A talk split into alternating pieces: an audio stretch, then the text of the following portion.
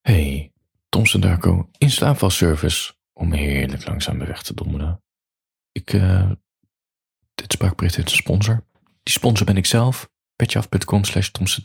Vier dagen in de week melancholische teksten van mij en exclusieve spraakberichten. Honderden spraakberichten wachten op je. Dus als je deze week niet kan slapen, denk aan petjeaf.com slash Darko. En ik praat je zo, ja, je hele leven eigenlijk in slaap, denk ik. Tot en met Sint-Jutemus voor je gaat slapen. Ik zat na te denken over jezelf toestemming geven om verdrietig te zijn. En dit is wat ik heb uitbedacht.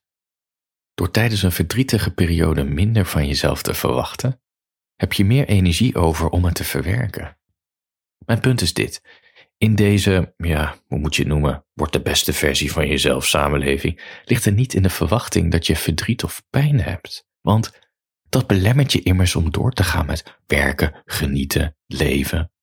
En daar komt waarschijnlijk het schuldgevoel vandaan als je kut voelt over het kut voelen. Door met jezelf af te spreken dat je nu verdrietig mag zijn voor een periode, stopt het schuldgevoel. Verwacht minder van jezelf. En doordat je nu verdrietig en somber mag zijn, voel je er ook fijner door. Het brengt berusting. Pijn is betekenisvol, alleen het idee dat pijn betekenis heeft, dat is vervaagd in deze moderne samenleving. Voor je gaat slapen, ik kwam de Koreaans-Duitse filosoof Byung-Chul Han, mooie naam, al zeg ik het zelf, op het spoor en die betoogt dat in pijn het geluk zit. Hij zei in het interview, ik zag het op filosofiemagazine.nl, wie niet ontvankelijk is voor pijn, sluit zich af voor het diepe geluk. Interessant. Wie niet ontvankelijk is voor pijn, sluit zich af voor het diepe geluk. We kunnen nog zo positief denken en medicijnen voor elk probleem hebben. Het laat de onderliggende pijn niet verdwijnen, betoogt hij. Hoe meer we het ontkennen, hoe heftiger het terugkomt. Ik ga je nu zes argumenten geven waarom jij verdrietig mag zijn. Argument nummer. Ik heb altijd de behoefte om in verschillende talen te gaan tellen. Ik weet niet waarom. Nou, ik ga het gewoon doen. Uh, argument nummer uno. Verdriet nodigt uit om getroost te worden, waardoor je een diepere band met mensen krijgt. Dus het is oké om verdrietig te zijn. Laat het zien. Dan word je getroost. Dat is niet zwak, dat is fijn en je bouwt een diepere band op. Daar kan niemand op tegen zijn. En de gedachten die je nu hebt, foei. Argument deu. Door verdrietig te zijn verwerk je wat er is gebeurd. Ja, zo simpel is het. Zet die maar eens om een tegeltje. Argument draai. Het is onderdeel van rouw, verdrietig zijn. Het is gewoon onderdeel. It's part of human being zijn, snap je? Argument voor. Je leert jezelf beter kennen. Wat weer zorgt voor het bekende groei. Alles moet groeien in deze samenleving ook jouw eh, spirituele, je spirituele energie moet groeien. Ja, ik weet niet waarom ik het woord groeien zeg. Ik krijg er een beetje jeuk van, maar tegelijkertijd snap ik het ook wel. Maar zelfkennis is heel belangrijk. Hoe beter je jezelf leert kennen en je verandert elke keer, dus eh, zelfkennis stopt nooit. Het is fijn om te weten wie je bent, in welke situatie je doet. Je leert jezelf beter kennen door verdriet. Dat is het mooiste cadeautje wat jij jezelf kan geven. Argument 5. Je hebt beter door waar je voor staat in je leven als je verdrietig bent. Ja, nadenkentje. Je hebt beter door waar je voor staat in je leven. En dan nu uh, even zien, argument seks. Zeg ze dat in Duits? Fünf, seks? Six. Hoe zegt ze het in Frans dan? Nu zit ik in mijn hoofd te tellen en ik raak helemaal de tel kwijt. Cies. Het is de motor van positieve verandering.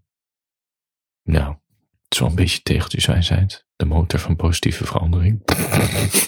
ik heb er zelf ook een beetje jeuk van. Nou ja, ik heb dit van een website afgehaald, dus dat is nu, dat is mijn excuus. Wat is jouw excuus? Precies. Wat is je excuus om nu niet naar petjeaf.com slash te gaan? En nog diepzinnige, existentiële boodschappen via um, je mail en in je podcast oor te krijgen. Trouwens, als je uh, lid wordt van mijn uh, Darko Seal van Saturnus, petje af, uh, krijg je ook toegang tot mijn archief. En er staan ondertussen echt Je kan van alles nog wat invullen. Als je zegt liefdesverdriet, dan krijg je proza teksten, diepe analyses over liefdesverdriet. Maar je kan ook iets intikken als heeft Thompson Darko een hekel aan honden? Nou misschien heb ik daar ook ooit eens een keertje wel wat over geschreven. De antwoord is nee. Ik heb wel een hekel aan katten.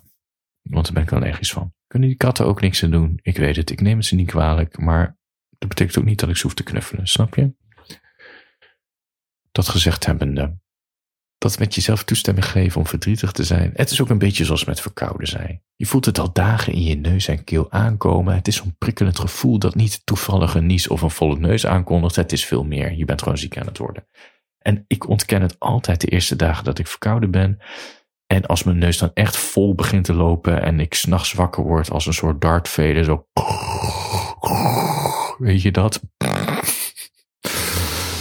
Dan pep ik mezelf alsnog op dat het allemaal wel meevalt en dat ik gewoon aan het werk moet. Totdat je merkt dat je alleen maar aan het staren bent naar je computerscherm. Zo met je hoofd zo ondersteunend op je handpalm. En denkt, ik kan beter gewoon in bed gaan liggen, want dit schiet gewoon niet op. Je bent ziek, geef je eraan over, geef jezelf toestemming, zet een leuke film op, stop met werken, zeg je verplichting af. Dat. Geef jezelf toestemming om je lijf daar later herstellen. Zo is het ook met emotionele pijn. Geef jezelf toestemming om je geest te laten herstellen en verdriet is daarvoor nodig. Of wat Camus zei, Franse filosoof en schrijver, rest in peace. In the depths of winter, I finally learned that within me there lay an invincible summer. Ik heb trouwens een hele goede, voor je gaat slapen. Ik heb trouwens een hele goede Deense film gezien. Echt fascinerend. Het gaat over notabene, volgens mij, advocaat, volgens mij zijn advocaten in uh, uh, seksueel, bij seksueel overschrijdend gedrag. Dus hij representeert slachtoffers. En die vrouw begint zelf een affaire met haar 17-jarige stiefzoon. Wat begint als een soort liefdevolle, lustvolle relatie. Maar hoe verder de film vordert, hoe meer duidelijk wordt dat, een, dat die verhouding natuurlijk helemaal niet kan. Daar wil ik het graag over hebben, maar dan moet je abonneren op petjeaf.com, want uh, dan praat ik uh, verder door op dit spraakbericht. Dus voor jou stopt het hier. Slaap lekker. Wel trusten. Handjes boven de dekens.